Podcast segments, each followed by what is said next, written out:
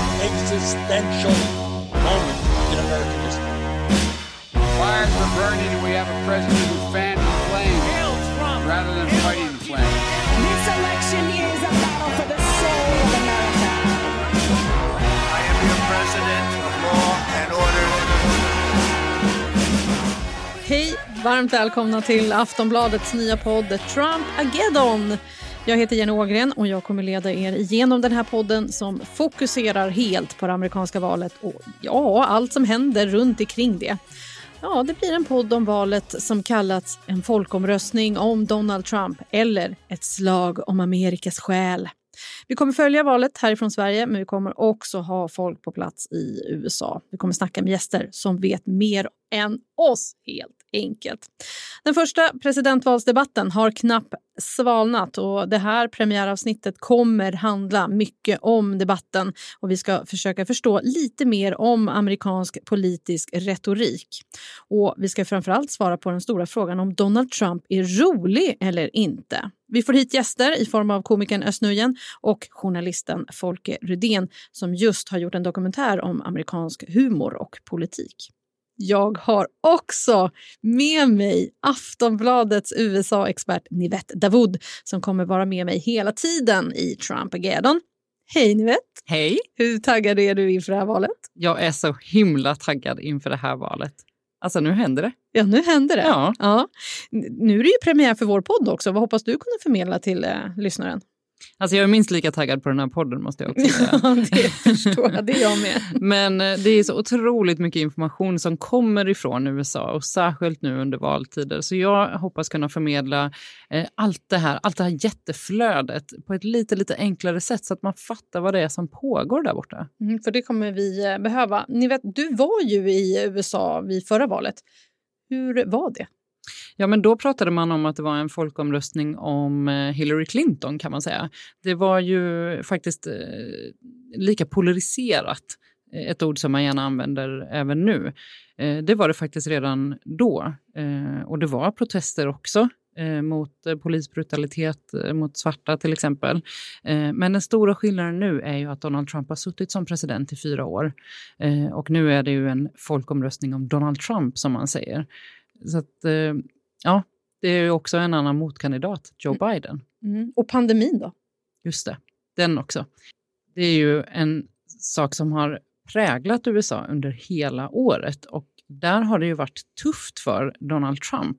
Det gick ju faktiskt ganska så bra för USA ekonomiskt och, och eh, arbetslösheten var eh, ganska så låg och sen så kom coronapandemin och liksom krossade allting. Nu har ju det blivit det stora fokuset i USA under hela året och det har ju också påverkat val, valkampanj och, och hela liksom eh, valsystemet med jättemånga fler poströster i det här valet än tidigare.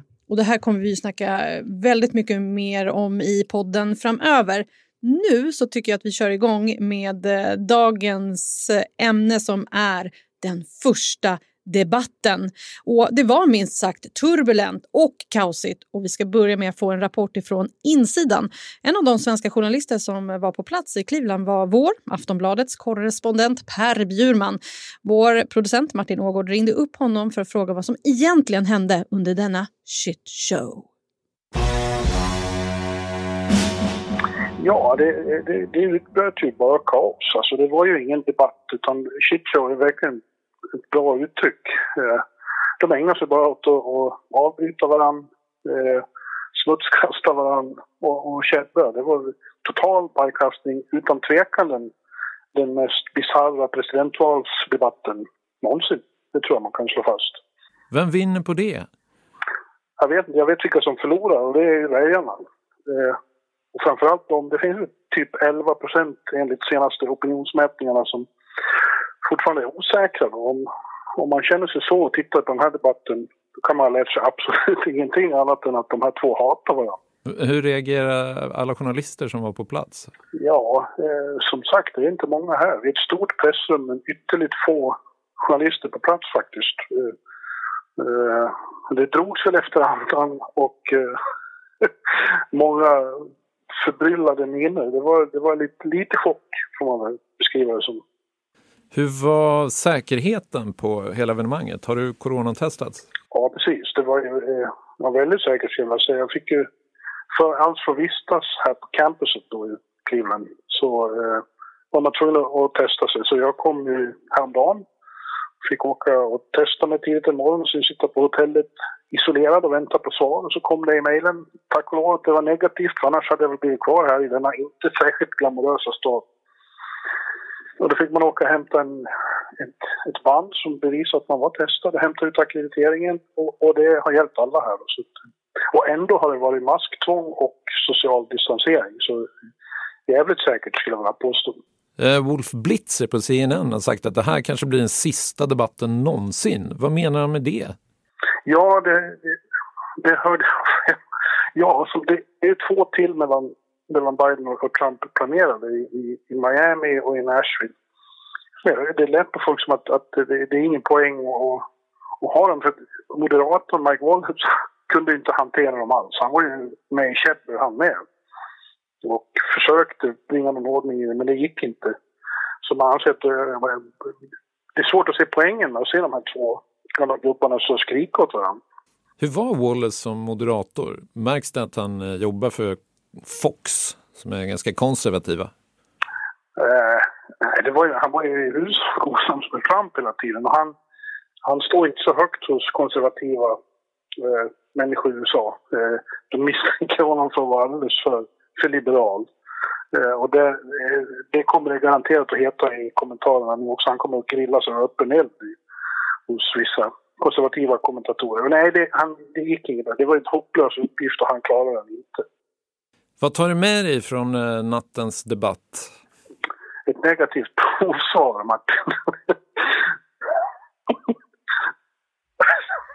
och, och allmän chock över Ja, och allmän chock över hur, hur, hur, det, hur det är i, i samtiden. Ja, det där var alltså Aftonbladets korre i USA, Per Bjurman, som varit på plats under själva debatten. Och vi bör också tillägga här att moderatorn heter Chris Wallace och inget annat. Tittarna förlorade, säger Bjurman. Men vem av kandidaterna vann egentligen den här smutsiga föreställningen, ni vet? Ja, enligt tittarna så var det Joe Biden som vann. Eh, men frågan är om man ens kan utse en vinnare i den här debatten. Den var ju så himla hetsk och eh, de viktigaste budskapen följer liksom ofta bort när de här två herrarna avbröt varandra hela tiden. Det var ju ingen av dem som framstod som särskilt statsmannamässig. Nej, jag tycker de kändes som barnrumpor båda två. Men vad var det som avgjorde? Ja, men eh, CNN till exempel skriver att det var bland annat Bidens svar som ansågs vara mer sanningsenliga än eh, Trumps, eh, men också att hans attacker mot Trump anses ha varit mer rättvisa än Trumps attacker mot Biden, som ju till exempel gick in på Bidens sons drogberoende och Bidens collegebetyg från 50 år sedan. Alltså det här med collegebetygen för 50 år sedan. Jag tycker, det, alltså tänk om någon skulle bara, Jenny, när du gick i gymnasiet så hade inte du så bra betyg. Man måste ändå tänka sig det är ganska länge sedan. Alltså ja, han, det är ju i alla fall 50 år sedan. Ja, det har hänt en hel del med han. Han har gjort andra grejer. Hoppas. Ja. Men Trump är ju den hårdaste retoriken. Tjänar han på en bråkig debatt? Ja, det är inte så säkert att han gör det faktiskt. Framförallt så tycker ju flera av hans kvinnliga väljare inte om den stilen. Eh, och det är ju en grupp som man faktiskt verkligen behöver.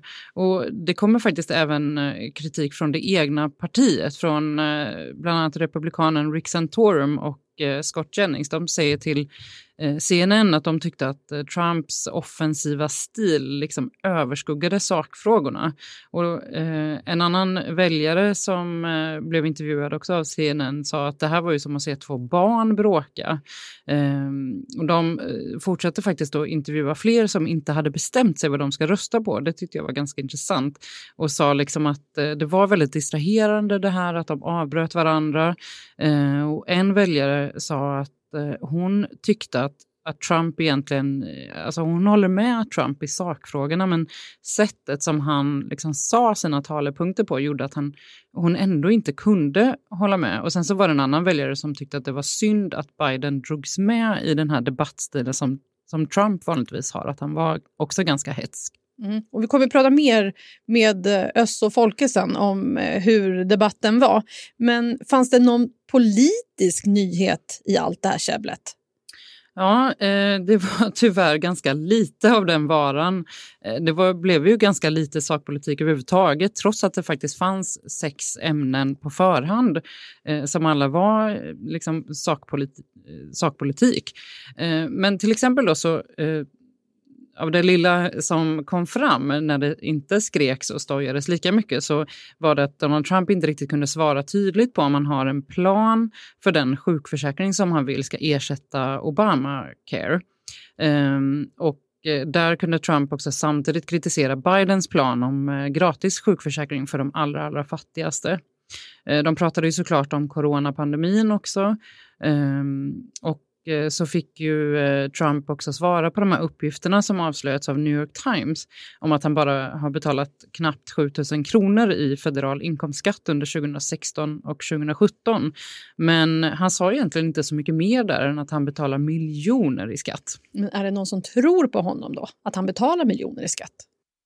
Det Trump-kampanjen gör i i, eh, de här, i svaren på avslöjandet är att man blandar in en annan typ av skatt Eh, som man har betalat. Det här avslöjandet handlade ju om federal inkomstskatt och det är där som New York Times har fått fram de här uppgifterna. Men också att Trump eh, under 10 av de senaste 15 åren inte har betalat någon federal inkomstskatt alls.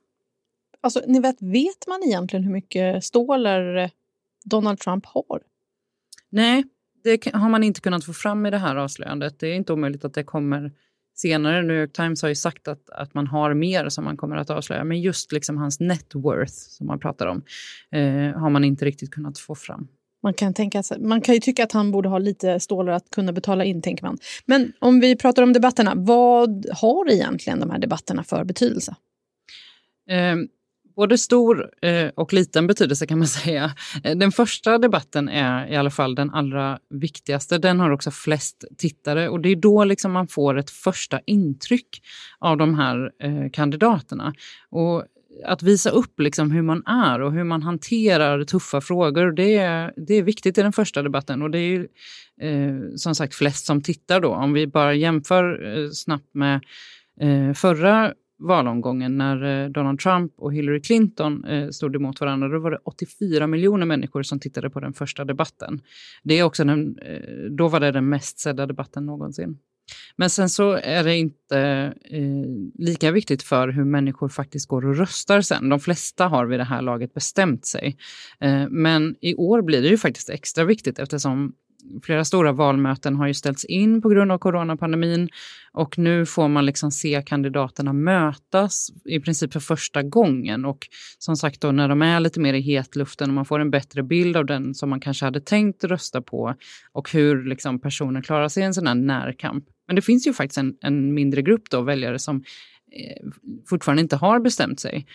Eh, och de eh, kan ju säkert få en ytterligare en bild och kanske bli lite mer säkra på vem de ska rösta på, eller i alla fall vem de inte ska rösta på.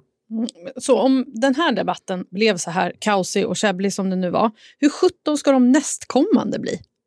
Ja, det där kan man ju verkligen fråga sig. Eh, det pratades till och med kort efter Eh, den här första debatten om att man kanske bara skulle skita i de andra debatterna. Att man skulle ställa in dem om det ändå inte kan ge väljarna någonting. Om de, om de här två herrarna inte ens kan eh, bilda liksom hela meningar utan att den andra avbryter. Är det verkligen någon vits då? Men eh, Joe Biden gick sen ut och, och, sa, eller hans kampanj sa i alla fall, att vi kommer absolut att ställa upp på eh, de kommande debatterna. Det är ju två till för president kandidaterna och så en för vicepresidentkandidaterna. Och det är ju en, en viktig demokratifråga att de här debatterna ändå hålls så att människor får som sagt eh, ett bättre intryck av den som de vill ja, den som den tänker välja till presidenten. Mm, och den nästa är ju mellan vicepresidentkandidaterna Kamala Harris och Mike Pence. Vad tror du om den då? Den lär inte bli så här eh, kaosartad eller kanske ens så här omskriven eh, som denna första debatt var. Dels för att den, det inte brukar bli det. Vicepresidentkandidaterna är ju inte lika intressanta som presidentkandidaterna. Men den kommer nog bli intressant ändå därför att Eh, Kamala Harris är ju en, eh, en politiker som vi egentligen inte vet så himla mycket om. Särskilt inte i den här vicepresidentkandidatpositionen. Eh, så det kommer bli intressant och det kommer inte bli intressant att höra de två liksom fightas mot varandra. För det har man inte heller fått se eh, något tydligt eh, bevis för tidigare hur de, hur de liksom är i en debatt. Så det kan nog bli spännande. Men som sagt, det blir nog inte sådana krigsrubriker som det har blivit efter den här första debatten. Sådär, då är det dags att vi välkomnar vår eh, första gäst till Trumpageddon. Och det är Özz Nujen som är ståuppkomiker, skådespelare, manusförfattare. Välkommen hit! Tack så mycket, tack för att jag får vara här. Ja, mm. Özz, hur noga följer du valet i USA? Eh, väldigt noga. Jag har följt de eh, fem senaste valen väldigt noga. Och eh, det, det säger ganska mycket om vår värld, eh, vem som blir president i USA. Och eh, just nu så är det, så är det faktiskt eh, väldigt, väldigt eh, konstig tid. Alltså, vi har haft så många kriser. Vi har haft flyktingkris, klimatkris, coronakris och nu har vi en presidentkris i USA där den sittande presidenten eh, kanske, kanske, så som det verkar, inte kommer gå med på om det blir en valförlust. Och det har inte skett någonsin innan, alltså i, tidigare i, i USAs historia. Så vi får se kristid. Då krävs det lite humor. Ja, och därför undrar jag så här, hur mycket bättre är amerikanska politiker på scen jämfört med svenska, tycker du? Eh, överlag är de, är de nog bättre för de har ju oftast också eh, i deras egna skolor, när man går i skolan i USA så har man ju retorikkurser och så vidare.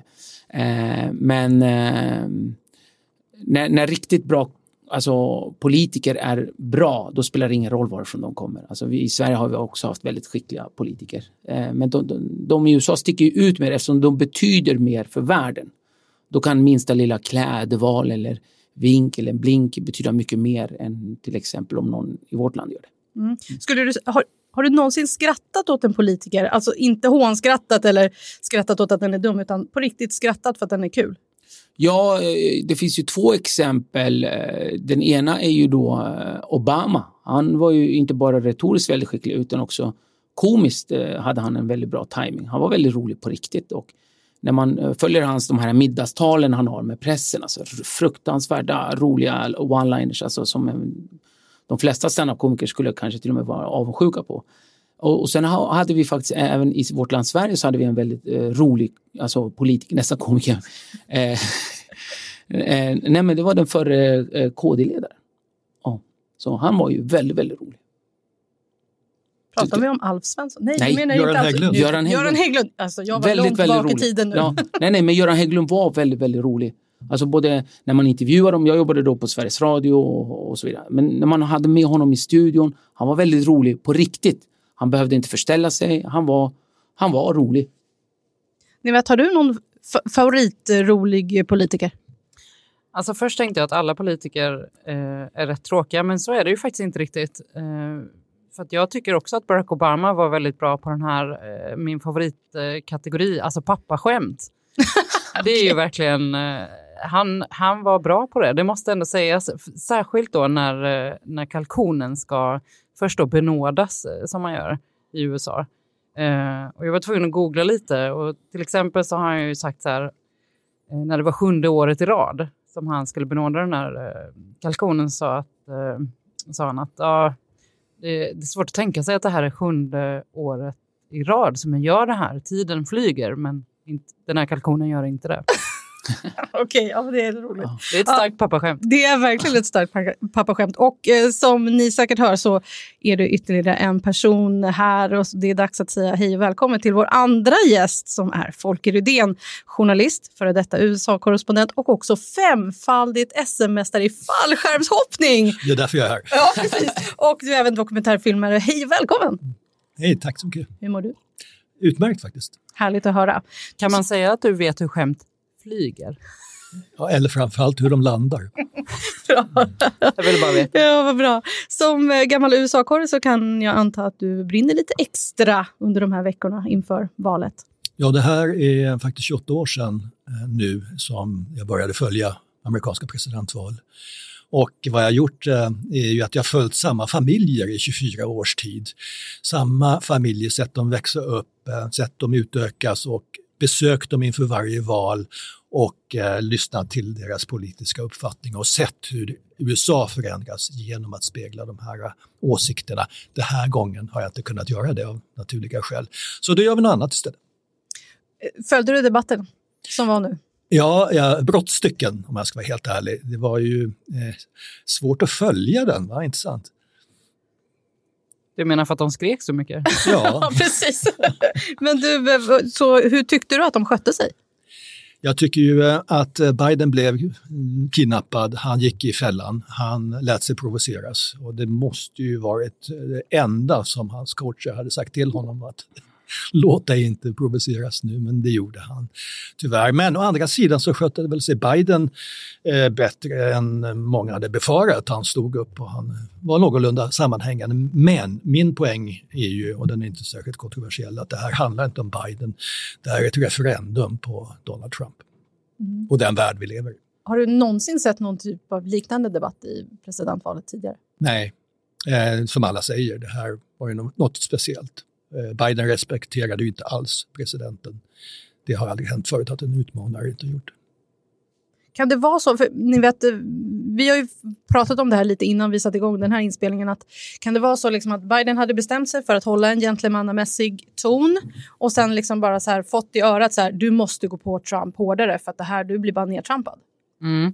Jag vet inte om man fick det just i örat, för det var väl snack om det där ifall man fick ha någon eh, Man, får, man fick inte ha något hörsnäcka i örat Precis, alls. men uh, han fick nog det i bakhuvudet om inte annat uh, och kände väl att uh, nej men det får vara värt det. Jag måste få sätta dit den här mobbaren. Liksom. och han tog väl ett snabbt beslut om att nej, nu är jag klar. Nu har jag fått nog. Man kanske, man kanske gör det när man är lite äldre, som ju Biden är. Att man bestämmer sig för att det finns tillfällen när det är dags att sätta ner foten och eh, han gjorde ju definitivt det nu. Mm, det är ju inga ungtuppar vi pratar om här. Donald är 74 och Joe Biden ska fylla 78. Eh, tycker ni att det här påverkar debatten, att de är den här äldre skalan? Nej, men jag tycker det är ganska signifikativt för eh, vår del av världen, västvärlden, att, eh, att presidentskapet ska avgöras av eh, två väldigt gamla vita män Eh, Eh, eh, alltså, och, och, och, som åskådare till det här debaclet som var då presidentvalsdebatten eh, alltså debatten där. Det var ju så, som att se en olycka, en trafikolycka med två bilar som kom emot varandra i full fart.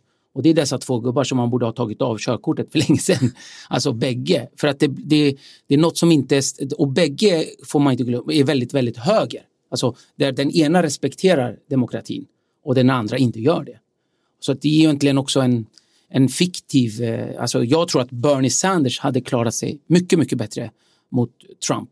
Än, för att nu handlar det om också att, att, att Biden hela tiden försöker eh, sammansvetsa USA, få, få USA att, eh, att, att ena sig och, och då försöker han inte vara för radikal och så försöker han ta in de här marginalväljarna från eh, Republikanerna och som kanske kan tänka sig att rösta på Biden och så vidare.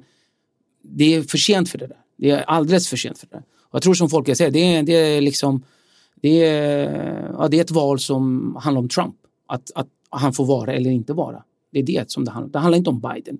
Vi kunde ha ställt vem som helst där. Alltså, det spelar ingen roll. Men jag tror att Bernie Sanders hade, då hade det varit politik på riktigt. Alltså vad handlar eh, vår framtida värld om? Vad ska vi slåss för, för, för värderingar? Vilket klimat ska vi slåss för? Vilken miljöpolitik, skolpolitik, eh, försvarspolitik och så vidare. Och det kommer vi inte se av. Utan nu kommer det bli så här. Det här det, och, och, det är sorgligt för en demokrati som USA, tycker jag. Mm. Vad säger du, Nivet? Nej, men apropå det här med att de är äldre, de här två herrarna, eh, och att Joe Biden, om han skulle väljas till president, han skulle bli den äldsta sittande presidenten. Men jag tycker att eh, en, en härlig grej med det är ju att man, man hör ju på Joe Biden att han snackar liksom ett gamlingsspråk, att han säger så här “keep yapping man”. alltså jag har inte hört någon säga det på ja, jag vet inte hur länge sedan. Eh, men det tycker jag ändå är en, en skön liten sån här eh, detalj. Att det är liksom inte bara farfar hemma i soffan som säger så, utan det är en presidentkandidat som står och bara “keep yapping man”. det är ändå härligt. Når han några väljare på det språket tror du Folke? Nej, men det som jag är inne på, att syvende och sist handlar det om 10 procent max i USA som kanske inte har bestämt sig. Alltså 10 procent av 50 procent eh, de som går och röstar. Och jag tror inte att den här debatten har någon betydelse för dem egentligen, precis som att eh, skatteavslöjanden häromdagen har inte heller någon betydelse, det handlar om andra saker. Så den stora frågan som vi ställer oss idag är ju om vad humorn spelar för roll för Donald Trump. Många av presidentens uttalanden har ju beaktats som både knäppa, aggressiva och löjliga. Ös, är det någonting vi inte förstår i hans retorik? Eh, I Trumps retorik? Ja. Eh, jo, vi förstår den. Alltså, och de som förstår, förstår den väldigt väl. Det är hundvisslingar och det är liksom anspelningar på högerextrema teorier och, och, konspirationsteorier och så vidare. Men, men, och det är därför också man ser igenom det, de som vill göra det. Eh, och det man ser av Trump är ju inte den här varma komikern, den här komikern som man skrattar hjärtligt med eller åt. Eller, eh, Trump skulle aldrig göra sig själv till åtlöje, alltså vilket är själva definitionen av en varm och bra komiker, tycker jag. Nu kan andra tycka olika.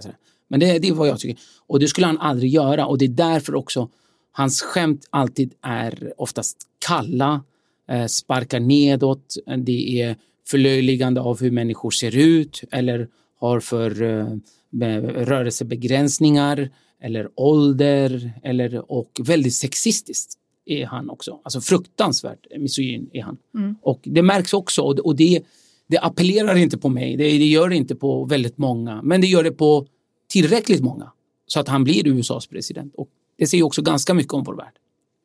Ja, det gör ju det. Folke, du håller just nu på att sammanställa en dokumentär om humor på det amerikanska valet. Vad handlar den om? Ja, eh, i och med att vi inte kunde åka och träffa de här familjerna, som vi har träffat 24 år, så uh, tänkte vi om. Och jag och Anders S. Nilsson, Parlamentet Anders, vi har, sätter ihop en film eh, för TV4 som handlar om eh, komikerna och Trump, eller Trump och komikerna, vi har kallat det för humorkriget. Och det går ut på följande premiss att när eh, Trump blev president så såg USAs komiker en jättechans. Nu skulle de håna och häckla Trump ut ur Vita huset. Men hur gick det? Fyra år senare har skrattet fastnat i halsen och vi sitter här och Trump har visat sig vara minst lika underhållande som komikerna och en del eh, amerikanska komiker har helt lagt av att skämta om Trump. Andra å andra sidan har blivit aktivister och verkligen fortsätter försöka. Men han har förändrat även den scenen. På vilket sätt? Jo, genom att... Eh, Komikerna har gett upp? Många har gett upp. Eh, presidenten har gått till personlig attack mot flera av dem. Han har stått på scenen och hånat och häcklat komikerna. Eh, komikerna har insett dilemmat att det går inte att göra ett skämt på ett skämt. Han är en parodi. Och hur gör man parodi på en parodi? Han har skickligt lyckats genom att göra sina bisarra utspel och uttalande och så kallade skämt övertrumfa komikerna. Det är fantastiskt eh, om det är medvetet. Ja, och Saturday Night Live har ju ingen framtid längre då i sånt fall eftersom de brukar alltid liksom skämta om presidenterna. Nej, men precis. Och en av de ledande komikerna i USA, Bill Maher på HBO, som vi har intervjuat för den här filmen, han säger det, well, he is good for business. Men eh, å andra sidan, om vi häcklar och hånar Trump tillräckligt mycket, vad händer då? Jo, då häcklar vi och hånar vi även hans väljare. Och vad händer då? Då ökar polariseringen i ett redan splittrat USA. Mm. Och det märker man även i vårt land, Sverige. Alltså när man då till exempel skämtar om SD och deras eh, ledare och deras eh, politiker som eh, gång efter gång fastnar i olika skandaler. Nu sist den här nya SD-linjen som verkar vara en kokainlinje och så vidare. Alltså att man, man hela tiden och, och, och, och till slut så ser då SD-väljarna det som en attack mot dem. Och de är ju då 25 procent eller, eller 20 procent av befolkningen. Och de är ju också väldigt aktiva eh, och några har eh, ja, flera hundra konton. Väldigt många av dem har flera hundra konton och de är eh, stora krigare ute på nätet och eh, samlar och eh, agerar gentemot komiker eller föredragshållare eller skådespelare eller, eller folk som tycker och tänker till om, eh, om SD och deras politiker. Så varför är då frågan om humor viktigt mitt i ett sånt här ödesval? Därför man måste väl få dra på munnen åt någonting i, i dessa tider. Inte sant? Jag hade förmånen att ses här veckan på, på brunnen och många av dem som jag talade med som satt i publiken sa att äntligen får bara skratta åt någonting.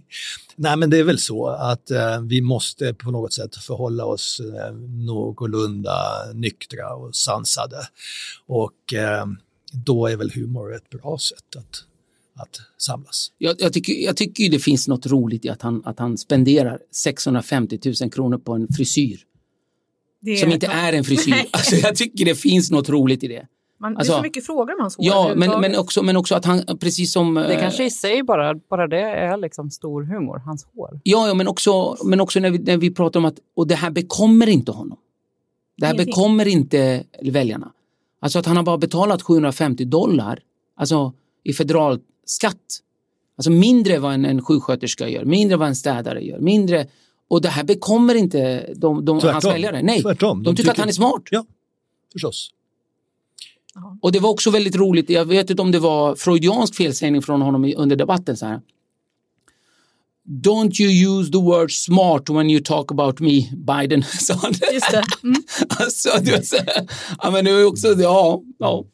Och han kom, Men sen, men sen handlar det ju, det är ju också någonting i att han, eh, att en person kan vända så mycket på Twitter till att bli nästan, alltså han kan rädda upp så väldigt mycket med, med humor faktiskt på Twitter. Jag tänker på när han skrev den här halva tweeten, tweeten som eh, slutade med det. och blev liksom eh, nyhetsrubriker överallt. Och eh, han, liksom folk undrade vad, vad det var frågan om. Skulle- Vad försökte han säga? Var det något hemligt budskap här? Liksom? Och att han kunde sen då vakna ett par timmar senare och eh, skriva så här, vem kan gissa vad koffeffer betyder? Att det ändå på något vis, det var liksom ändå han som hade bollen där hela tiden, till och med när han sov. Liksom. Ja, en av frågorna vi ställer i vår film är hur medveten är Trump om det här? Har han en stab av världens bästa liksom, writers i ett writers room som serverar honom eller har han en talang för det? Jag, jag är nog inne på att han har en viss talang, inte minst för de här öknamnen, alltså Sleepy Joe. Det sätter ju sig på, på en gång, sätter det sig. Och man kan ju inte tänka på Biden på annat sätt. Och han är skicklig på det sättet, att sätta de här etiketterna. Och sen är det också, han kör ju eh, enligt liksom den här eh, hur du inför totalitär diktatur. Alltså alla deras liksom, punkter kör han ju efter boken. Och det här är också där, det är därför också han har Twitter som sin enda kanal där han kommunicerar med folket. Och det är också en av de här sakerna man ska tänka på när man ska leda ett land eller försöka eh, så split och så att, man, att det är man själv som agerar och reagera på saker genom sin egen nyhetskanal. Och det har han gjort nu med Twitter. Väldigt, väldigt skickligt. Och jag spelade, för inte så många år sedan, så spelade jag Rickard den tredje. Det gjorde alla roller själv så här. Men och hela hans kroppsspråk, hela hans sätt att vara, hela hans sätt att tilltala kvinnor, män som är först lite högre men sen som han lierar sig med och så sätter han dem under sig och hur han tar de här fega, de här som inte säger något och så kastar han dem när han inte... behöver. Alltså hela den grejen, det är, det är Rickard den tredje. Alltså hela, och jag tror också hans fall kommer bli något liknande. För sen när han faller, då kommer det bli så smutsigt och hans namn kommer gå till historien. Alltså precis som eh, Rickard den tredje. Alltså, att det, kommer, det kommer dras i smutsen oavsett vad vi säger nu eller vad- och han kan vinna nästa val också. Men det kommer att bli så. För de här kommer inte undan de här despoterna. Det är precis som Saddams eftermäle. Alltså det kommer inte, alltså, och det, här är, och det som är så sorgligt är att det är en demokrati som USA. Som vi väldigt många gånger har sett upp till, som vi ändå tycker jag på något sätt har försökt eh, ja, stabilisera världsläget. Nu finns det ju ett maktvakuum som eh, ryssarna och kineserna gladeligen tar över. Och, och sen kommer även komma Indien senare och så vidare. Men Men är det det här som gör att det blir lite svårt nästan att skämta om Trump? Ja, för att det är en fascist vi har att göra med. Och en fascist som vet exakt hur, hur han, han ska använda medierna eh, och, och, han är väldigt, väldigt skicklig på det, precis som folk är inne på. Jag, jag tror att han vet exakt på något sätt vad han gör. Och han vet exakt hur han ska så split i sitt folk eh, och, och så vidare. Och eh, hundvisslingar, du vet. Till exempel om de här Proud Boys, att det är en högerextrem, eh, vit extrem eh, alltså organisation i USA där han säger så här eh, stand back, stand by, alltså så var redo. Och idag, de, idag går de ut och ja, tar till sig detta. Ja. Och, och, och, och, går ut med t-shirts med det. We stand by och vi vaktar och vi ska vakta. Liksom sådär. Det där, och, och, och, och, på frågan om, man, om vad han hade att säga till de svarta i USA, svarta befolkningen. Han började direkt med I love the police.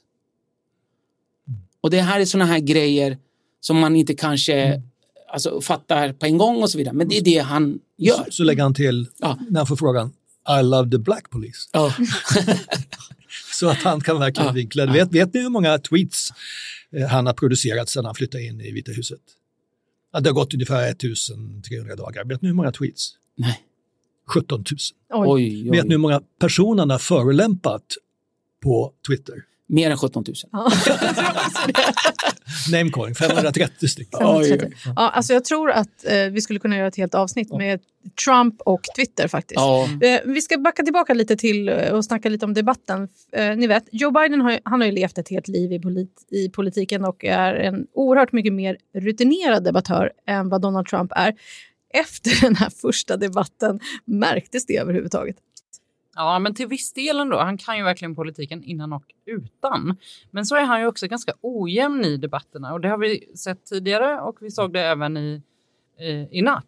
Och eh, det är liksom inte alltid där som han skiner igenom som bäst, trots att han är så himla rutinerad. Han säckade ju liksom ihop i början och det var nästan som att det behövdes lite förolämpningar från Trump för att han skulle eh, vakna till liv helt enkelt och, och börja med de här rejäla giftpilarna som han sen skickade iväg och det är de som har fått störst rubriker efteråt. Ja, men är han Sleepy Joe alltså?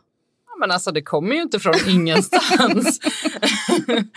det, det, är ju ändå, det, det, är ju absolut ett öknamn, men, men eh, det kommer ju inte från att han är eh, världens härligaste och superroligaste kille varje dag hela tiden.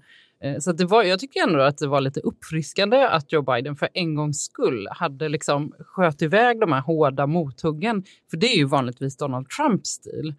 Och Trump har ju verkligen en egen stil. Han följer liksom inga mönster, han gör sin grej. Och, eh, och där har vi ju sett att han kan, han kan säga och göra nästan vad som helst. Och det är nästan som att man förväntar sig det. Vi hade ju alla blivit jätteförvånade om han var liksom Sleepy Trump. Alltså det, hade ju, det hade ju varit det konstiga i det här. Men han, han gick ju på Biden i stort sett hela tiden. Är det så att han känner sig hotad nu på ett annat sätt trots sin position som president för att han faktiskt ligger på minus? Ja, det är faktiskt inte alls omöjligt. Jag, jag skulle nog ändå säga att den här gången eh, uppträdde han som att han var lite hotad. Eh, och jag tror faktiskt till och med att, att många väljare kan tycka att han gick lite för långt. Eh, skillnaden den här gången jämfört med förra valet när han var minst lika het på gröten mot Hillary Clinton är ju att han har suttit som president nu i fyra år. Han behöver liksom försvara det han har gjort och det han har lovat men inte har kunnat eh, åstadkomma. Och det märktes att han inte var helt bekväm med det ändå. Nej. Ehm, Folke, vad säger du? Biden var en etablerad politiker redan när du var i USA. Är hans rutin en belastning eller en tillgång? Ja, Trump blev ju vald för eh, att han representerade något annat än det politiskt korrekta. Och han fortsätter ju på den linjen. Och det är ju inte så att plötsligt så vill alla ha det politiskt korrekta tillbaka i USA. Det tror jag är ett misstag om vi tror.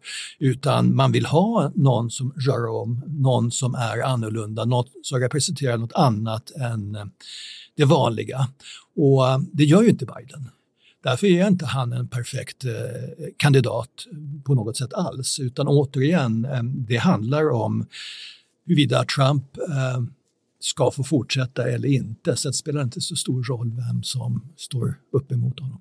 Jag tror att ett sätt att alltså, skada Trump, om man nu verkligen vill att Biden ska vinna och så vidare, det är nog att hela tiden påtala Trumps misslyckanden och inte bara misslyckades politiskt, politiskt i USA utan även också hans finansiella politik, alltså det privata. Att hela tiden säga, men du är en dålig affärsman, titta bara på eh, vad Skatteverket här har hittat om dig.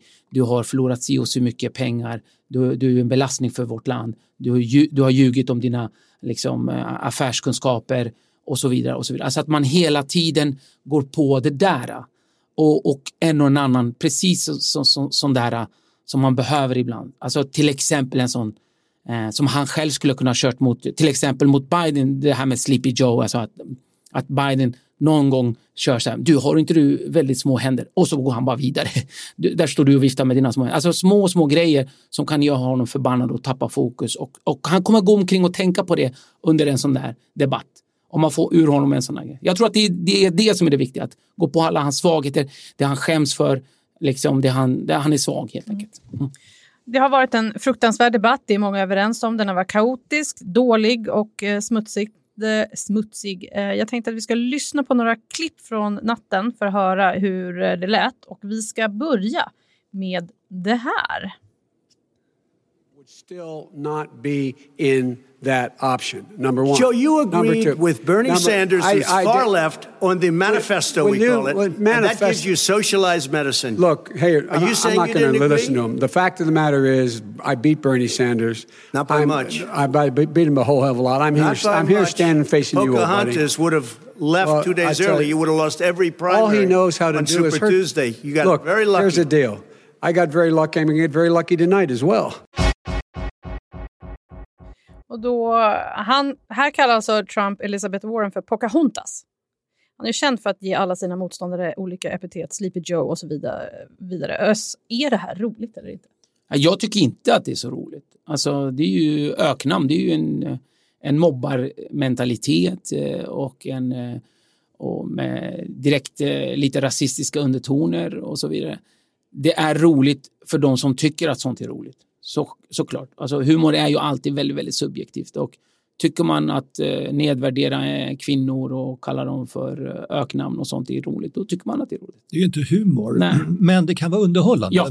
Och jag träffade väljare som sa att vi eh, för fyra år sedan, vi tycker nödvändigtvis inte att, om eh, Trump och allt han står för och så vidare, men vi vill- vill vakna upp varje morgon och se vad som har hänt i Vita huset.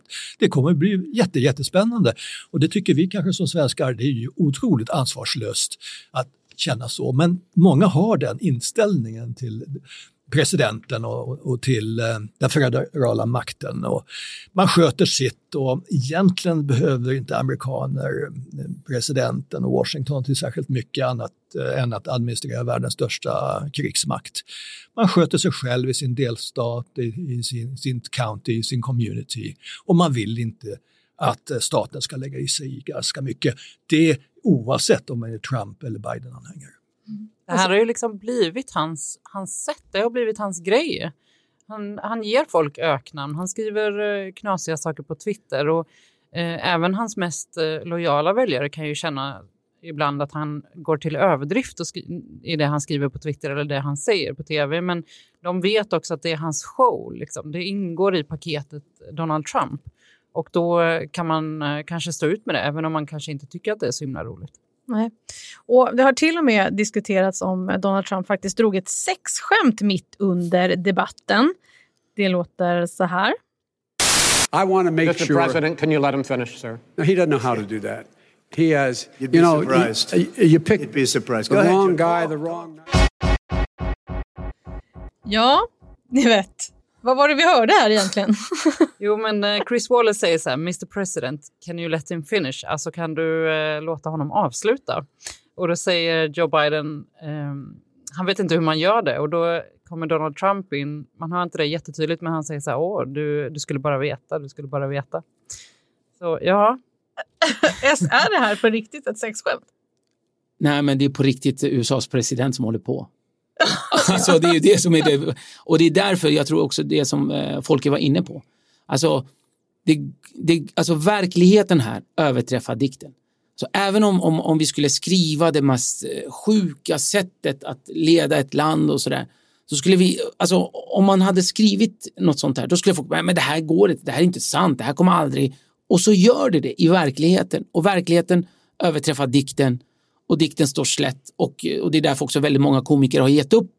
Alltså ibland när jag står på scen, när man har skön feeling eller när det känns bra i, i, i, rummet så kan man säga, ja men vad vill ni skoja? om, säg ett ämne eller så slänger man ut det. Och då säger folk Trump. Och det, då fastnar jag oftast för att jag säger, men då har jag precis sagt så här, men det går inte att skämta om ett skämt. Alltså det går inte, för det är, det är redan ett skämt och skämtet är så stort och överväldigande så det, det, det, det, det, ja, det tär på en. Alltså det, det, det när inte folket, det när inte skrattet utan det tär alltså. Mm. Och det är svårt, men det, man måste få, försöka i alla fall. Folke, tror du att den där typen av eh, skämt så att säga funkar på Trumps väljare? Ja, alltså Trumps egna skämt, absolut. Hans rallys är ju stora shower och Trump själv säger ju, vi har klipp på det, Don't you enjoy my rallies? Och så får han ju jättegensvar och, och du måste ju känna igen känslan att stå på en scen när folk börjar gå med dig. Och du kan gå ett steg till och du kan gå ett steg till och han kan ju aldrig sluta eh, när han väl får den här uh, gensvaret. Han, han fortsätter och fortsätter och fortsätter och eh, de älskar det. De älskar det verkligen och han älskar det också. Men det är ju också just det här att man inte riktigt, riktigt vet. Var det ett skämt? Nej, men Menar han precis. allvar? Nej, vi kan ju ta det här uh, nu uh, famösa exemplet när han säger “We're gonna win four more year, years” och så säger han “And then we're gonna ask for four more”. Va? Ja. Va? Alltså. Och många är ju eh, väldigt, väldigt oroliga för att eh, han kommer göra en Putin på allvar. Att inte nöja sig med de åtta åren en- enligt konstitutionen han har rätt till utan det var också det som var det lite läskiga bakgrundsmusiken till hela eh, alltså nattens eh, debatt tyckte jag. Det var verkligen att se USA som stormakt dö. Alltså det var det, tyckte jag i alla fall, eh, vad jag såg. Eh, folk kan säga, ja men det var, det, det var redan för fyra år sedan. Så, Nej men alltså nu var det verkligen, för att nu pratar en amerikansk president på fullaste allvar om att han inte tänker acceptera och respektera en eh, valförlust. Och det här, eh, alltså det här sker inte och ska inte kunna ske i en demokrati. Men det gör det. Och vi är fast där och vi tittar och vi gör inget. Ingen gör något. USA är helt förlamade. Det är två stora läger. Och, och resten av folket, precis som du säger, skiter i det. De bryr sig inte. De, de vill ha den här showen. Och Joe Biden å andra sidan sa ju att han absolut skulle acceptera oavsett vad valresultatet blev. Mm. Det blir ju, måste ju bli en sån kontrast för väljarna att här står den ena och säger så här, jag tänker inte acceptera och den andra säger så här, ja det kommer jag göra. Ja. Ja, det är no-brainer att säga som Biden, det är ju det som gäller. Eh, Trump utmanar ju det och det är ju det som gör honom attraktiv då hos, Mm. eh, vad är det, tre eller fyra av tio. Vi ska ta och lyssna på ett eh, klipp till från nattens debatt och det kanske redan nu är debattens mest kända ord. I'm not going to answer the question Why would because, you answer that because question? the You question is the question Supreme is the radical question- left. Will you Who shut is your, up, man? Listen, who is on your list, Joe? This Who's is on your so list? right, gentlemen. This is- Ja, nu ska vi se. Will you shut up man blev Bidens mest minnesvärda ord från debatten. Han kallade även Trump för clown. Det här citatet kommer att snurra över världen ett tag framöver kan vi ju eh, konstatera. Det går redan att köpa en t-shirt med trycket på. Ni vet, var det bra för Biden att han till slut bad Trump hålla käften? Ja, jag tror i alla fall att han vann mer än han förlorade på det faktiskt. Eh, det är ju såklart Bidens kampanj som försöker kränga de här t-shirtarna så att de har ju i alla fall konstaterat att det här var bra gjort. Eh, och eh, sen till det så kommer ju att Joe Biden har ju faktiskt en historia av att han, han eh, var mobbad och då blev det som att han även i vuxen ålder liksom fick sätta det här stoppet för mobbaren som alla älskar ju en sån framgångssaga liksom. Eh, Så jag tror absolut att det ändå kan ha varit eh, bra för hans del. Mm, för vill Bidens väljare höra de här hårda orden från honom? Inte varje dag såklart. De, de vill ju inte ha en ny Trump. Det, det kan vi absolut konstatera. Men jag tror att de, eh, om de såg den här debatten så kände de kanske som eh, Joe Biden säkerligen gjorde också att men hallå, kan du vara tyst någon gång? Du har avbrutit mig under hela debatten. Så jag tror att, att eh, i alla fall majoriteten ser det här som lite frigörande och lite äntligen. Liksom. Så tror jag inte det handlar om vad Bidens väljare vill höra utan vad vill de här 10 procenten höra som det står och väger emellan. Hur lockar man dem på bäst sätt? Gör man det genom att delvis använda samma retorik som Donald Trump? Uppenbarligen så trodde väl Biden och hans coacher det vi får se hur, hur det går framöver helt enkelt. Trump har ju hävdat att hans konstigaste uttalanden egentligen var menade som skämt. Till exempel att eh, Obama grundade IS och att man ska dricka blekningsmedel bland annat för att bota corona. Varför tror ni att han säger sådana saker? Jo, för att det är ju det som de flesta komiker kommer undan med. Det var bara ett skämt. Det kan vi säga. Men det är ju ett skämt, fattar ni inte? Det var ett skämt. Men att höra det från eh, USAs president, det trodde jag aldrig under min livstid i alla fall att jag skulle få höra. Ja, men det var bara ett skämt. Alltså, och, där, och det är därför han, eh, så som Folke Rydéns då, eh, ny, nya dokumentär det är ju världens största komiker. Alltså, det, det går inte att överträffa världens mäktigaste komiker. Alltså, och han styr eh, världens mäktigaste krigsapparat, USA. Och han kommer undan med, men det var ju bara ett skämt. När inte ens svenska komiker kommer undan med skämt som de sa för tio år sedan i dagens Sverige för att de måste be om ursäkt. Och som ber de om ursäkt nu tio år senare för ett skämt som, som är i förbifarten som har hamnat ur kontext och så vidare.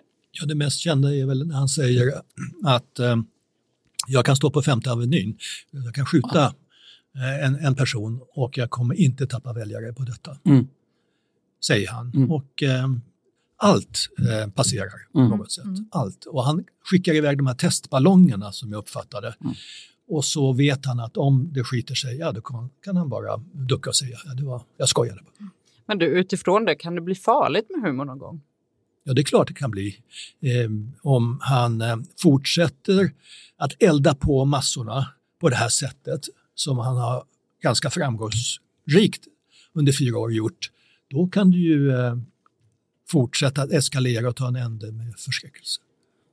Så tror ni att humor kan komma att påverka valutgången?